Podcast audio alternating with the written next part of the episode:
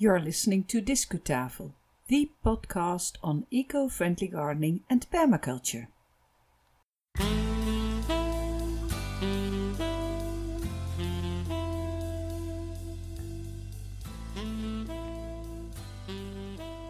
Hey, hello there. This is your podcaster Yvonne Smith, and I have an extra episode for you. It's number 98, dated April 20 in the year 2021. And why do we release an extra episode of Discutafel podcast today for our English speaking and Dutch speaking listeners? Well, we've got some news for you.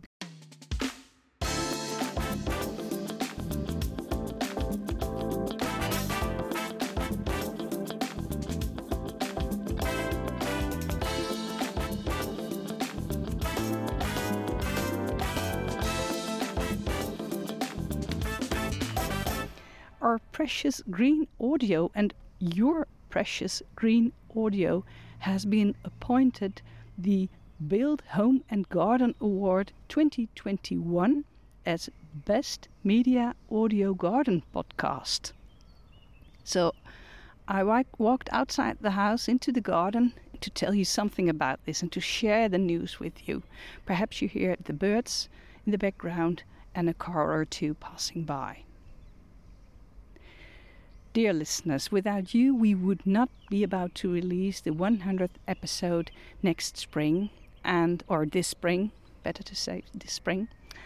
And um, of course, you are the first people to share the news with. Being awarded by Build Magazine makes me very, very proud and happy and thankful. To be honest, podcasting is not always easy, especially in niche markets like eco friendly gardening and sustainability. But there's something else. As you may know, I lost my teammate Marlies when she passed away in December 2019. I make the program on my own since then. I'm the editor, I'm the producer, presenter, promoter. In short, I am the Discutafel team. And to be honest, my microphone does not talk back.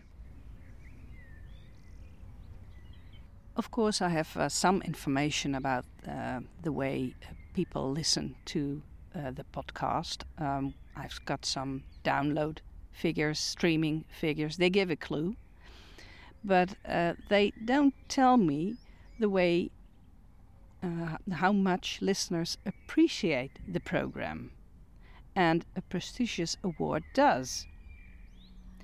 As Build Magazine uh, says, all winners have been chosen based on their excellence in the industry, they say, the quality of their products, their dedication to service. Wow. When I read this, I look to the sky and I thank my friend Marlies for supporting my idea three years ago on making this first Dutch podcast on eco friendly gardening and permaculture. As I understand, the awards are based solely on merit rather than the number of votes received, and that's what we like about it. Some podcast competitions here in the Netherlands, I don't know how it's in your country, but here in the Netherlands, some of these competitions make the impression it's more important uh, to have some commercial opportunity or being part of the scene, more important than um, things like uh, craftsmanship, original content, or the courage to be different. How did this all begin, this nomination? Well, back in January, we here at Discutafel received our first email from Build magazine about their Home and Garden Awards. And Discutafel was to be nominated in the category Best Garden Podcast. Well, to be honest, we thought the mail could be fake since we never had any contact before we wondered is somebody using the contact info, Build's contact information?